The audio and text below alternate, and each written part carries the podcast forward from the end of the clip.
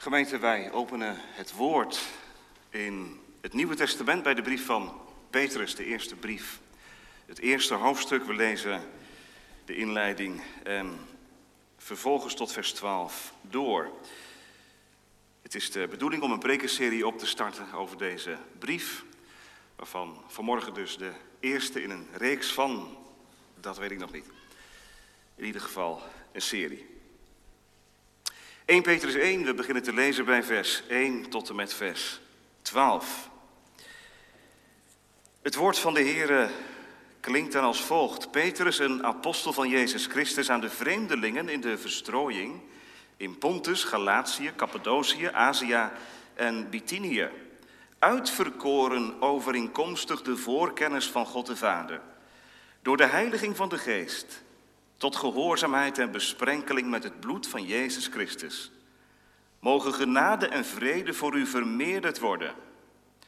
Geprezen zij de God en Vader van onze Heer Jezus Christus, die ons overeenkomstig zijn grote barmhartigheid opnieuw geboren deed worden tot een levende hoop, door de opstanding van Jezus Christus uit de doden, tot een onvergankelijke, onbevlekte en onverwelkbare erfenis, die in de hemelen bewaard wordt voor u.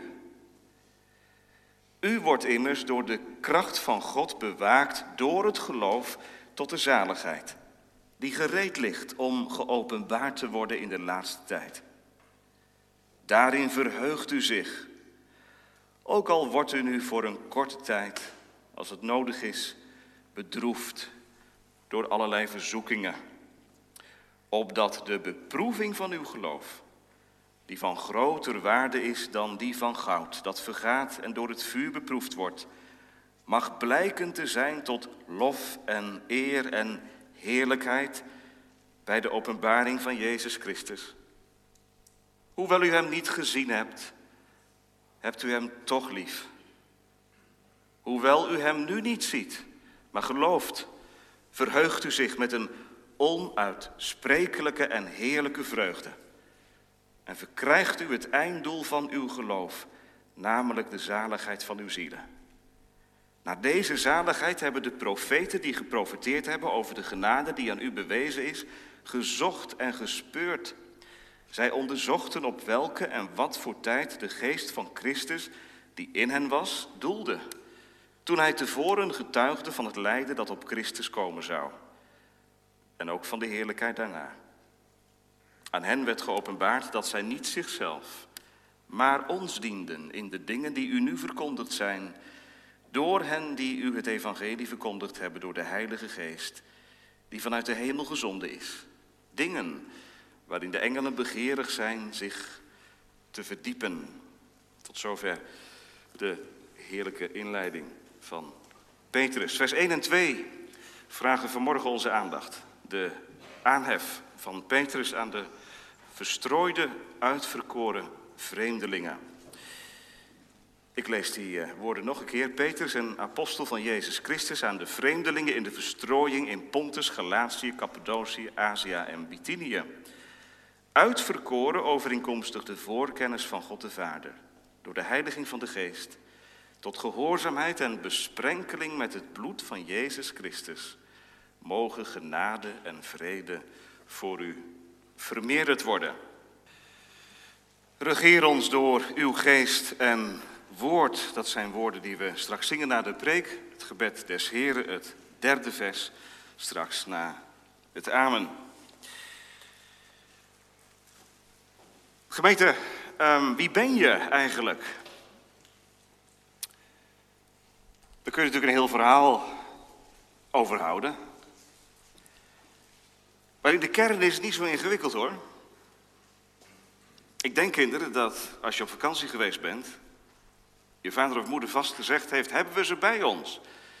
Die ID-kaarten, zeker als je de grens overgaat, hè? Ja, eigenlijk moet je hem altijd bij je hebben. Wie ben je? Nou ja, in de kern, als alle franje eraf gaat, als alle verpakking nou weggaat, wat hou je dan over? een aantal gegevens. Naam, geboortedatum, woonplaats, etc. Heel feitelijk. Plus een foto. Dat is de kern. En natuurlijk, daar kun je nog heel veel omheen vertellen. Maar al die verworvenheden, alles wat je bereikt hebt, alles wat je meegemaakt hebt, het kan de kern wel raken en zelfs ook wel deels veranderen, maar uiteindelijk blijf je toch wie je bent, hè? Wie ben je? Gemeente, als alle verpakking eraf gaat, als alle franje eraf gaat, wat zou dan de identiteit van een christen zijn? Nou, Petrus geeft het antwoord vanmorgen. Een nieuwe identiteit. Drie gedachten. Dat zijn eigenlijk drie wezenlijke kenmerken van het leven van een christen. Hoe ziet dat eruit? Wat kun je daarvan zeggen? Nou, in ieder geval drie dingen volgens Petrus. Dan ben je gekend door de Vader, geheiligd door de Geest en gereinigd door de Zoon. En dan volgen we eigenlijk de tekst op de voet. Kijk maar mee. 1 Petrus 1, vers 1. De aanhef en dan vervolgens in het tweede vers. Uitverkoren overeenkomstig de voorkennis van God. De Vader, dat is het eerste, gekend door de Vader. Door de heiliging van de Geest, geheiligd door de Geest. En tot gehoorzaamheid en besprenkeling met het bloed van Jezus Christus, gereinigd door de Zoon. Allereerst dus gekend door de Vader. Ja, toch, gemeente, even die aanhef. Wij doen daar niet zo heel moeilijk over. Hè? Misschien hebt u ook nog wel een vakantiekaart gestuurd. Al is het een uitstervend fenomeen, denk ik, in deze moderne tijd. Maar goed, uh, misschien ook wel een vakantiekaart gestuurd. Die aanhef, nou ja, dat gaat heel snel. Het gaat natuurlijk om de inhoud, hè? Wat heb je te melden vanaf je zonnige vakantieadres? Wat wil je die ander vertellen? Aanhef, dat gaat snel. Nou, in de tijd van de Bijbelkinderen ging dat niet snel. De aanhef was wezenlijk. Kijk maar in je Bijbel, vers 1 en 2. Dat hoort allemaal bij die inleiding. Voordat Petrus tot de eigenlijke inhoud van de brief overgaat. Voordat hij gaat delen wat hij op zijn hart heeft. Eerst voor ons gevoel misschien een omslachtige, uitgebreide introductie. Petrus, een apostel van Jezus Christus. Ik schrijf niet op persoonlijke titel. Ik ben een gezondene, een geroepene van Jezus Christus. Ik schrijf aan de vreemdelingen in de verstrooiing in vijf gebieden: Pontus, Galatië, Cappadocië, Azië en Bithynië. Het huidige Turkije. Vijf gebieden waar, zegt Petrus, vreemdelingen in de verstrooiing wonen leven. Nou, het eerste wat we ons dan maar afvragen is, ja, wat zijn dat dan voor mensen, die vreemdelingen? Wij hebben in onze tijd een heel ander beeld, denk ik, hè, bij wat vreemdelingen zijn. we hebben onze mening over vreemdelingen, beleid en zo. Ja, dat moet u toch even opzij zetten vanmorgen. Vreemdeling in de bijbelse zin van het woord betekent pelgrim, iemand die op doorreis is die niet hier thuis is, wiens vaderland elders is, vreemdeling. Als je de Bijbel doorbladert, is de Bijbel er vol van. Ook de psalmen bijvoorbeeld, het Oude Testament. Dat een kind van God een vreemdeling is. Niet vreemd doet of vreemd is of zich vreemd gedraagt. Dat kan de buitenwacht misschien zeggen, maar in de kern ben je vreemdeling. Ik ben, o Heer, een vreemdeling hier beneden. Ik ben van een ander koninkrijk. Ik word van andere dingen blij en rijk. Vreemdeling. Niet meer denkend volgens het patroon van voorheen, wat hoort bij dit leven. Maar vernieuwd. Vreemdeling. En dan ook nog eens in de verstrooiing. Verstrooide vreemdelingen. Alle kanten vlucht, gejaagd. Ze kunnen niet meer samenkomen. Nou, dat had toen andere redenen dan nu, dat begrijpt u ook wel. Maar ja, ik, in de voorbereiding kon ik er toch niet onderuit. Het lijkt toch wel een beetje hè, op, op, op deze tijd. Verstrooid. Daar zitten we dan. Vanmorgen dit deel, vanmiddag het andere deel. En dat is niet alleen hier zo, dat is landelijk, dat is op zoveel plaatsen in de wereld op dit moment zo. Weet, hebben we door dat we geraakt worden in de kern van wat de gemeenschap is? Niet aan wennen, hè? Niet denken dat we nu in controle zijn.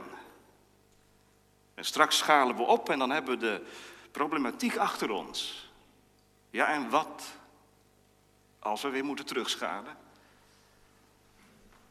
Verstrooid. Gemeente verstrooid zijn maakt je kwetsbaar. Als de gemeenschap geraakt wordt en mensen op een eiland komen, maakt dat je kwetsbaarder dan ooit. Zo voelt het misschien nog niet eens, maar het is wel zo. En dat is ook wel de reden, dat geef ik eerlijk toe, dat we net zongen de avondzang. Bescherm ons in deze bange tijd. Ervaart u dat zo? Van zielsverzoeking en van strijd. Er is iets gaande. Toen ook. Hé, hey, geen coronacrisis, wel vervolging. Geloofsvervolging. De boze ging rond als een briesende leeuw. Dat is wat Petrus in hoofdstuk 5 trouwens zegt. En hij zoekt wie hij kan verslinden. En hij heeft zijn oog geslagen op de gemeente van Christus. En wat heeft hij al veel gewonnen als die gemeente van Christus uit elkaar geslagen wordt? Nou, zo geschiedde dat ook 2000 jaar geleden.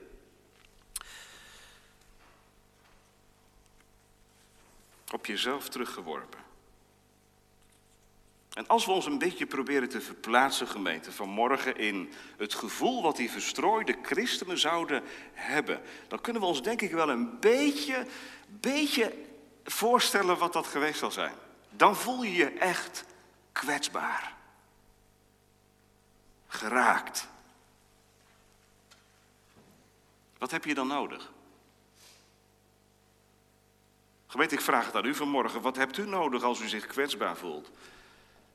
En alleen en geraakt. Meeleven, toch? Wat doet Petrus? Is dit een brief van meeleven? Ja, ook wel. Maar de inleiding zet toch echt de toon. Petrus schrijft geen brief puur uit meeleven. Jullie zijn zielig, want jullie zijn vervolgd, uit elkaar geslagen. Terwijl jullie eigenlijk toch bij elkaar hoorden, horen. Petrus spreekt de verstrooide vreemdelingen aan op wie ze zijn, op hun nieuwe identiteit. Die ze zomaar uit het zicht zouden kunnen verliezen door alles wat er gebeurt in het leven. En daarom begint hij zoals hij begint. Met die aanhef. Met het herinneren aan wie ze nou werkelijk van God uit zijn. Niet hoe ze zich ervaren, voelen. Maar wie ze van God uit zijn. Die nieuwe identiteit. Jullie zijn niet zielig, maar jullie zijn zalig. Waarom dan? Wel, en ja, in, in, in de vertalingen kunt u dat niet zien, ook niet in de Statenvertaling, maar neemt u van mij aan dat het woordje uitverkoren in vers 2 slaat op vreemdelingen. Je mag het dus eigenlijk zo lezen.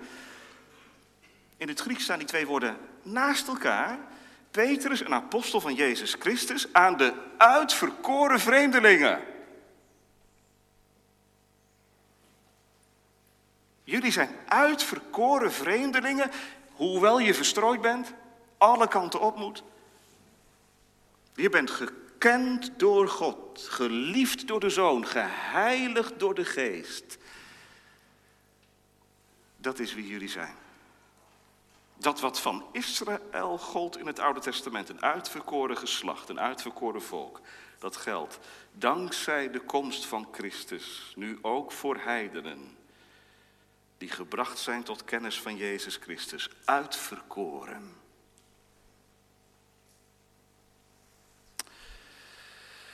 Gemeente, ik geloof dat God overal zijn kinderen, vandaag de dag ook, op zijn eigen wijze laat ervaren wie ze zijn van Gods wegen. Wij hebben daar misschien andere behandeling voor nodig dan christenen in India of China.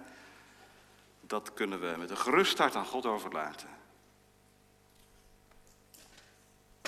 Maar zou het kunnen zijn, gemeente, ik stel de vraag maar heel voorzichtig, ik ga het ook niet invullen voor u, maar zou het kunnen zijn dat deze crisis die we met elkaar en ook als gemeente gezamenlijk doormaken,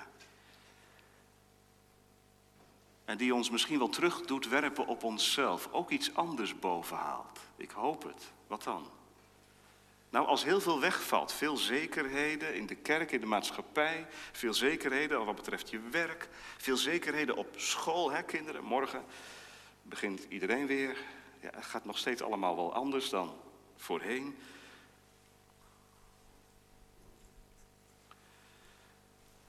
Wij die van doorgaan en van volhouden weten. En die nu steeds weer ervaren dat het zand in de raderen van de machine wordt gestrooid. Wat doet dat met ons? Nou gemeente, het, het pelt ons toch ook een beetje af, hè? Die, schillen, die gaan eraf. Wat hou je over als je heel veel moet inleveren? En voor sommigen van ons geldt dat ook in letterlijke zin zo. Wat hou je over als een crisis je leven binnenkomt, de gemeente teistert? Wie ben je dan? Wat is dan je identiteit? Gemeente, we zijn er niet met doorgaan en volhouden en hopen dat we er weer bovenop komen. Het kan heel makkelijk een bliksemafleider worden, ook in de kerk. Laten we daar maar beginnen. Ook in de gemeente. Met al onze protocollen en noem maar op, al onze wijsheden. En het moet, het, zal ook allemaal wel. Maar, maar voelt u dat gevaar niet dat het een bliksemafleider gaat worden van de vraag waar het nou echt om gaat? Je identiteit? Wie ben je nou?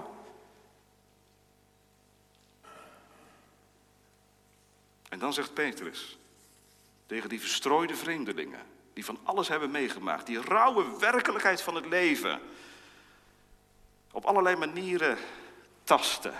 Jullie zijn uitverkoren. Je diepste identiteit ligt niet in wat je overkomen is, in wat je overkomen zal, in wat je meegemaakt hebt, in het lijden van deze tegenwoordige, tegenwoordige tijd. Je diepste identiteit ligt niet in de werkelijkheid waarin je ontwaakt als je s'morgens wakker wordt. Je identiteit ligt niet in het beeld wat anderen van je hebben of wat je van jezelf hebt. Maar je diepste identiteit ligt in uitverkoren zijn. Dat is een nieuwe identiteit, want die had je niet. Je was duisternis. Kind van de toorn. Vervreemd van God en het leven van de genade. Onwedergeboren zonder hoop, zonder toekomst. Maar je bent het geworden, uitverkoren. Dominee, hou alsjeblieft op over dat woord uitverkiezing. Ik had er al moeite mee toen ik het las. Ik ben ermee doodgegooid. Uitverkiezing. Je moet uitverkoren zijn.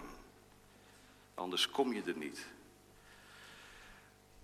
Gemeente, zo spreekt de Bijbel nooit. Dat hebben wij ervan gemaakt. Dat is theologie van de mens. Die ergernis die jij misschien wel hebt, hè, omdat die dominee over de uitverkiezing begint, ja, die komt natuurlijk ergens vandaan. En dat zuchten over de uitverkiezing komt ergens vandaan. Wat is dat jammer. Zonde ook. Als het woord uitverkiezing ons ergert. Als we gaan zuchten. Het is niet iets om van te gaan zuchten. maar om van te gaan zingen. Welzalig die gij hebt verkoren, die gij uit al het aards gedruis doet naderen. En uw heilstem horen, ja wonen in uw huis. Werd over de uitverkiezing. Er wordt gezongen over de uitverkiezing. Goddank, gemeente, is er een uitverkiezing, want anders zouden we allemaal blijven in het verderf. Waarin we ons door onze eigen ellende hebben gestort. Goddank begint God ermee. Is zalig worden niet iets van beneden af. Een stappenplan wat je doormaakt. Jonge mensen, in het leven van alle dag kun je een status verwerven. Op internet kun je een status verwerven. Um, te midden van je vrienden kun je een status krijgen. Nou, dit is ook een status uitverkoren. Maar je verwerft hem niet. Je krijgt het. Je ontvangt het. Dat is uitverkiezing. Dat ik die niets had met God en ook helemaal niets van hem wilde weten. Brave burger op zijn best. Trouwe kerkganger. Oh jawel. Maar zonder God, zonder levende band. Dat van God uit de lijn gelegd wordt, het hart open gaat, het leven met God geboren wordt en de hoop openbloeit. Uitverkiezing, gemeente. Alsjeblieft, het is geen systeem.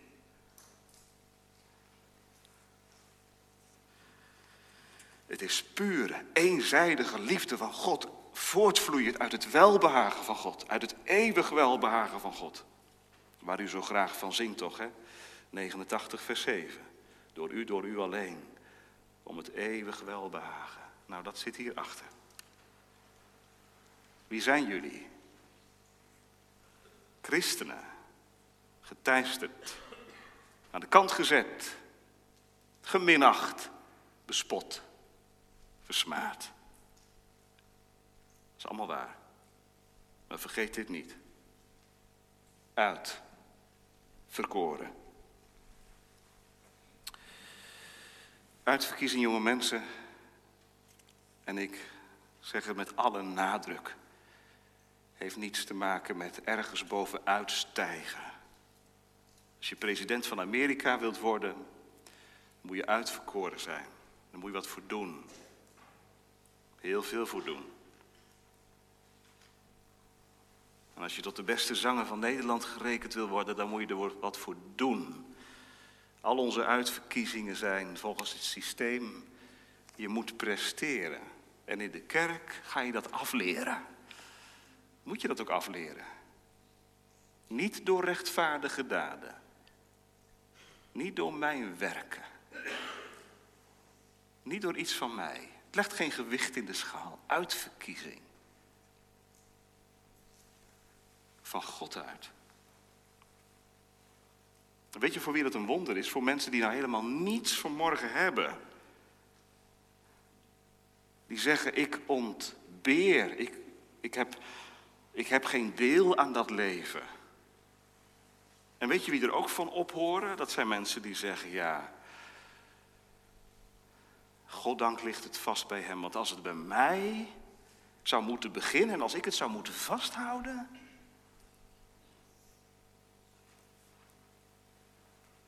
Weet je, bij het woord uitverkoren moet je altijd maar denken aan dat prachtige lied Amazing Grace. Als je dat nou eens aan de duivel meegeeft.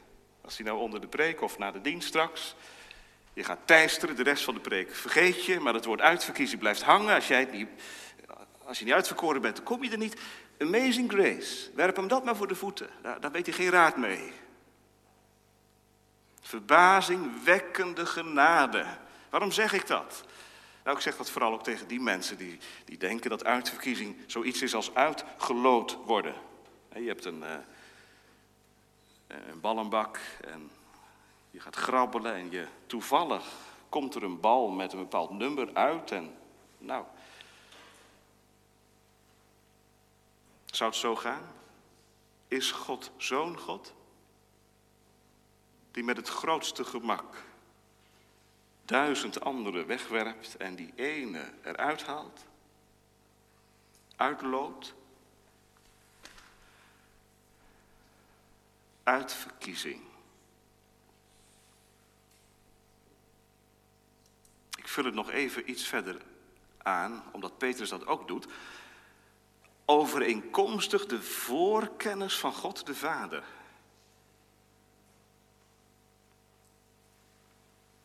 Wat laat dat zien? Petrus zegt, die uitverkiezing is niet iets, en dat is zo mooi, dit is het evangelie gemeente. Uitverkiezing is, zo evangelisch, zo bijbels.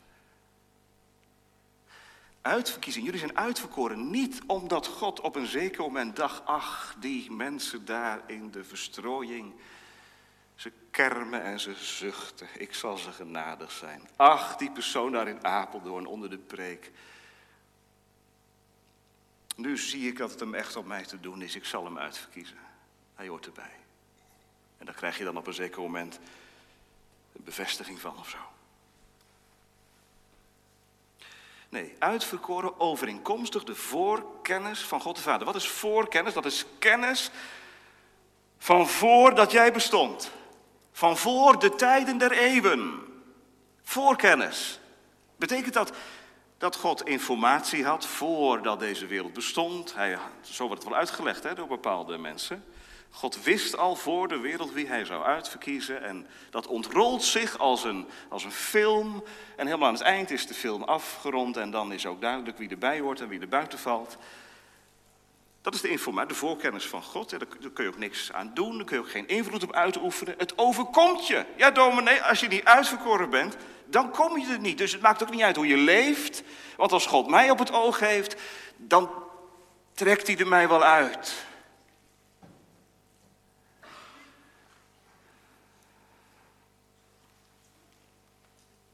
Betekent dat het? Nee.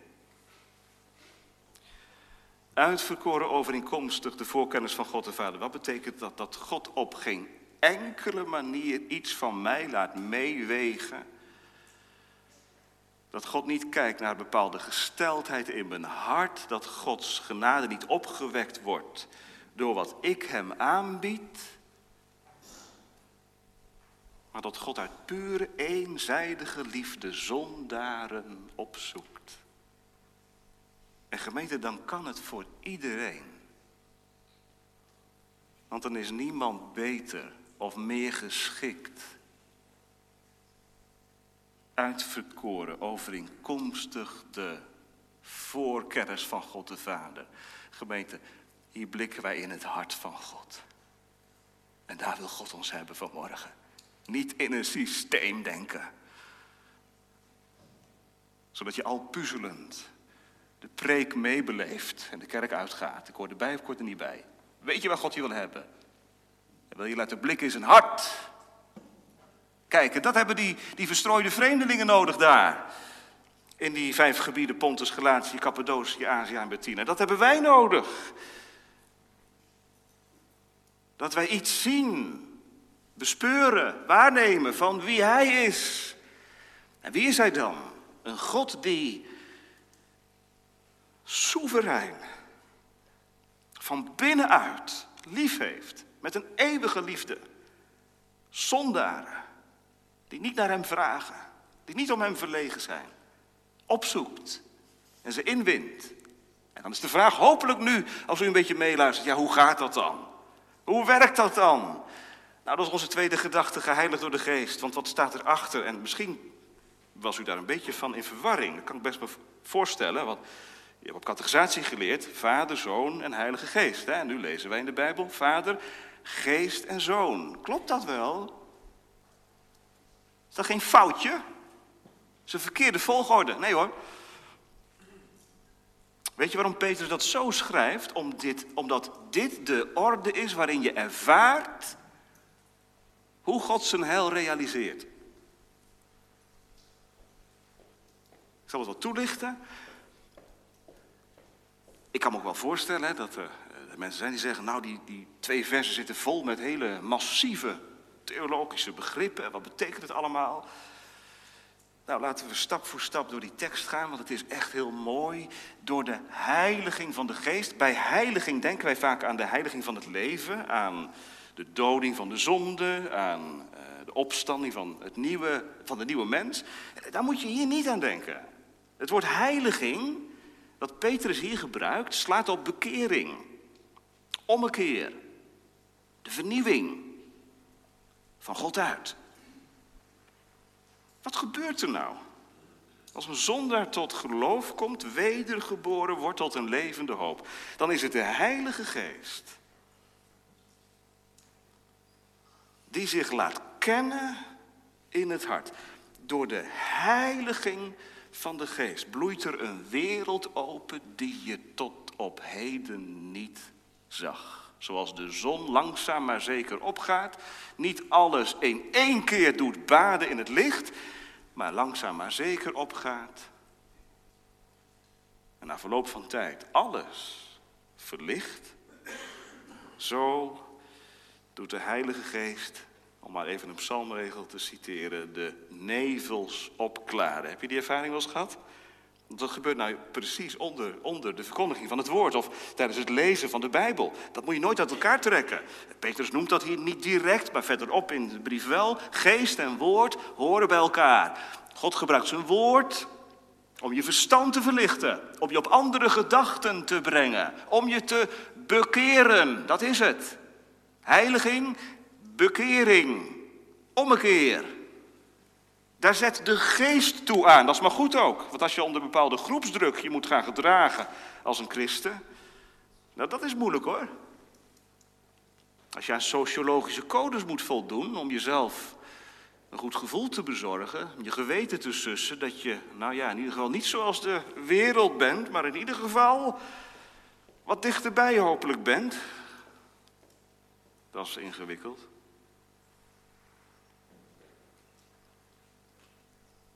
door de heiliging van de geest. Dat is het begin van het geestelijk leven. De geest komt binnen, opent het hart dat gesloten is, verlicht het verstand dat verduisterd is. Geeft zicht, daar komen we straks op, op de Heer Jezus Christus. Ontdekt mij aan mijzelf. Geeft die afschuw van de zonde brengt de geest mee. Daar zet de geest toe aan. Toen, 2000 jaar geleden en, en nog. De geest als die stille geleider op de achtergrond, die meekomt als het woord verkondigd wordt. Als het woord opengaat, thuis, in je gezin, in stille tijd. Dat taaie, hardnekkige denken van mij, dat wordt door de geest in beslag genomen. Een vlezen hart ontvang je. Morgen beginnen de scholen weer. Even een uitstapje. Misschien sta je voor de klas. Wat een prachtige taak heb je. Sterkte ermee. Je mag de kinderen ook iets bijbrengen. Van wat het betekent om de Heer Jezus lief te hebben. En je mag ze ook vertellen hoe dat nou gaat hoe dat werkt, hoe God binnenkomt. Wat ga je ze vertellen? Bid er maar veel om. Kinderen vragen maar veel om een nieuw hartje. Wil je ze alsjeblieft uitleggen? Dat bekering betekent dat je denken veranderd wordt. Dat je vernieuwd wordt in je denken. Dat is iets wat hier plaatsvindt.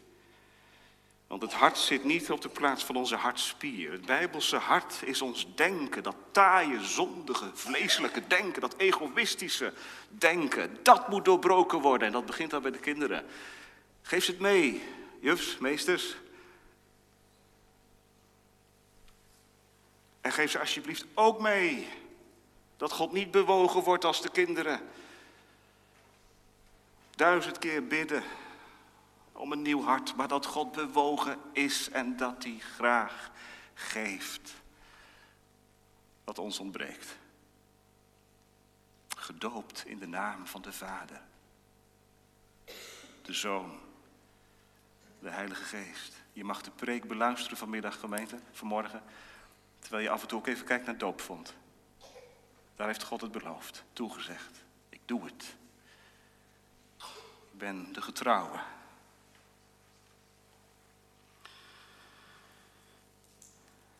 Door de heiliging van de geest. En dan gaan we verder tot gehoorzaamheid en besprenkeling met het bloed van Jezus Christus. Ik maak de overstap naar het derde punt door het woord gehoorzaamheid even bij het tweede punt te houden. Want de Heilige Geest, dat is de motor, de bron van de nieuwe gehoorzaamheid.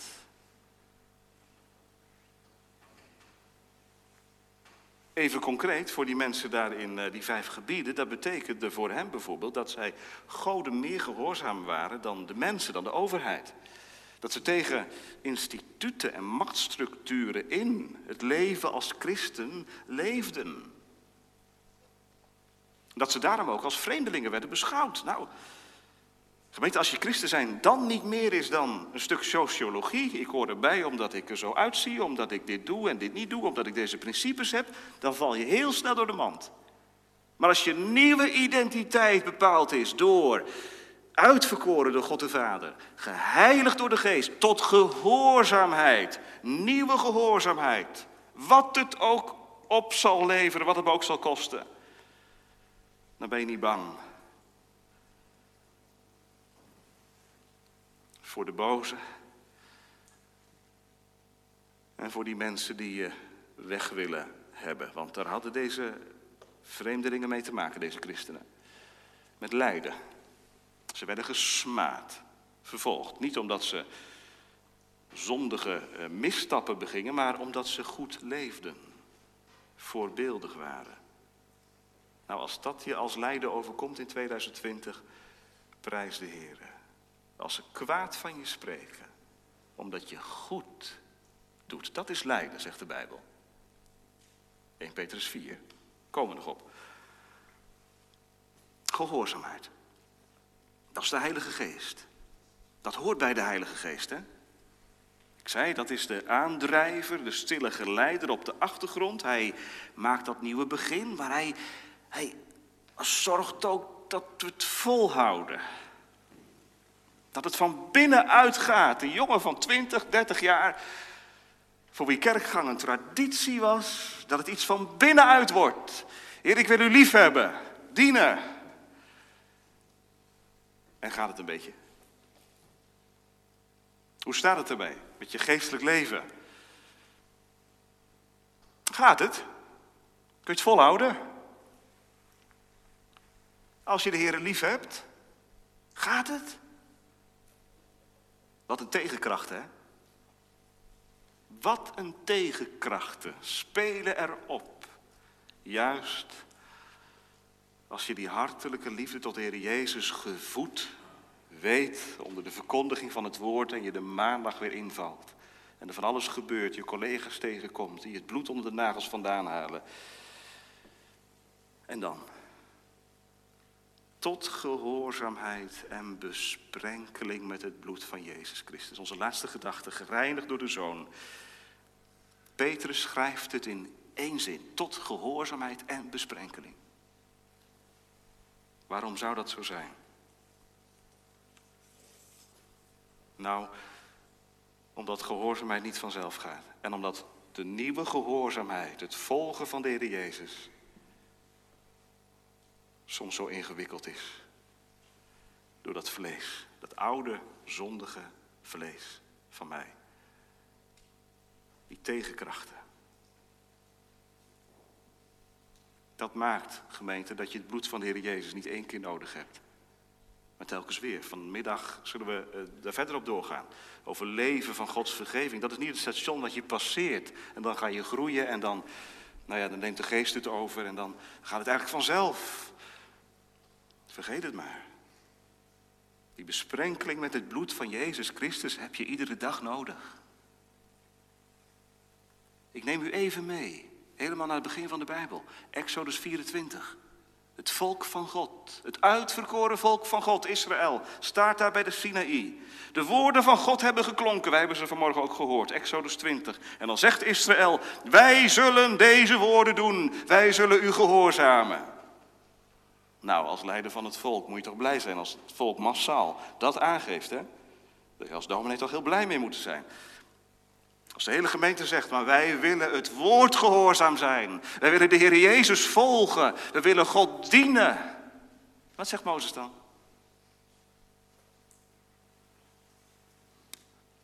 Jullie hebben het bloed nodig. En dan voegt hij de daad bij het woord. En dan besprenkelt hij het volk met het bloed van het verbond. Want hij weet wel. En wij weten het toch ook. Uit eigen ervaring en uit de Bijbel. Dat het volk van God zo vaak van haar plaats is. En dat ze het bloed van de Heer Jezus, de besprenkeling met het bloed, nodig hebben iedere dag. Tot vergeving en tot heiliging van het leven. Nou, dat bloed is voorradig. Als je nou vanmorgen luistert en je hart is geraakt, je wordt meegenomen, je dankt de Heer in je bank voor die nieuwe identiteit die jij niet zelf verworven hebt, maar die je ontvangen hebt als geschenk van Gods wegen. Weet je, dan druppelt vanmorgen het bloed van de Heer Jezus Christus op de harten van de hoorders. Dat bloed, wat reinigt van alle zonde. En dat bloed wat ook vergevende en heiligende kracht heeft. Is dat nou geen woord op zijn tijd als je het leven ervaart als een geestelijke strukkel, waar de duivel je voortdurend op de hielen zit en je laat vallen? Het slechtste in je naar boven haalt door wat mensen je aandoen of wat ze je toevoegen. En de duivel in je oor fluistert, jij zei dat je een kind van God was. Klopt dat wel? Een nieuwe identiteit. Heere God, ja, toch omdat u het hebt gedaan. Uitverkoren door de Vader van voor de tijden der eeuwen. Tot gehoorzaamheid.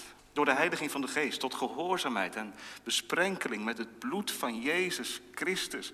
Dominee, ik zou zo graag meer toegewijd willen zijn. Hem vuriger willen dienen. Hem hartelijker willen liefhebben. De zonde in mijn leven de baas worden.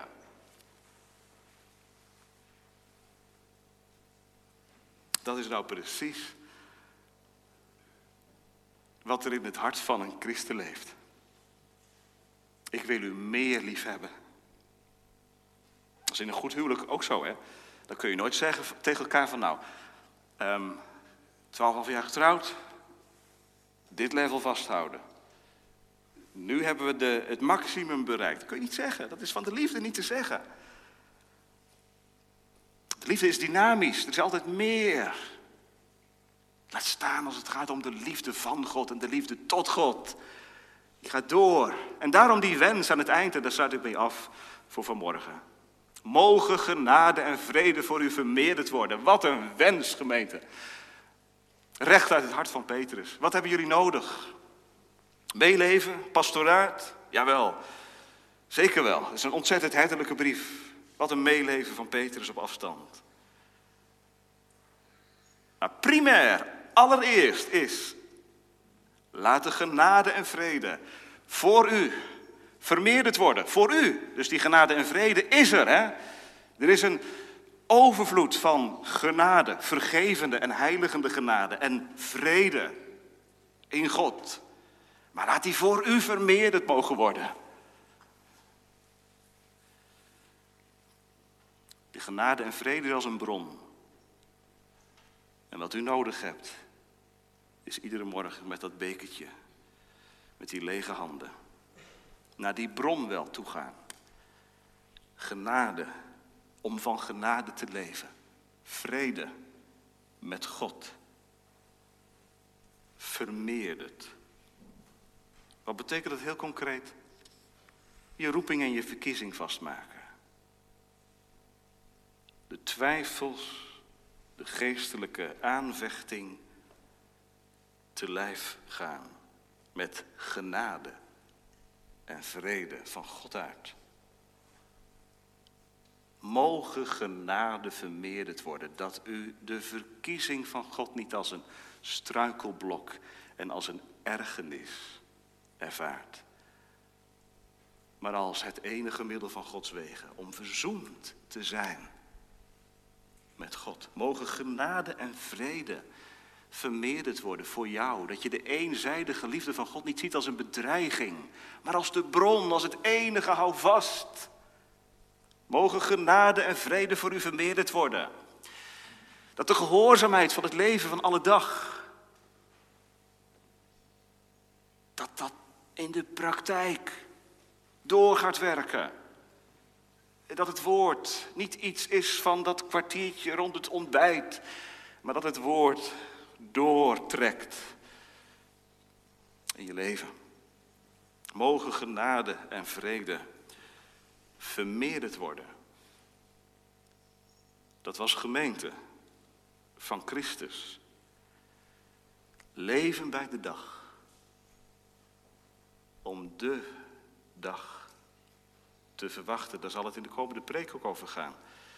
Petrus die juist de wederkomst van Christus als een wenkend perspectief meegeeft aan de christenen die door de crisis heen verstrooid zijn. Mogen genade en vrede voor u vermeerderd worden. U zegt misschien, ik heb niet zoveel aan, aan, wensende dominees. Dominees die het goed bedoelen en dominees die wensen. Petrus wenst. Is dat een vrome wens? Nee, het is geen vrome wens. Maar als je nou een beetje moeite hebt met dat wensende, laat dan je antwoord zijn. Regeer mij door uw geest en woord. Dan wordt deze wens persoonlijk gebed. Amen.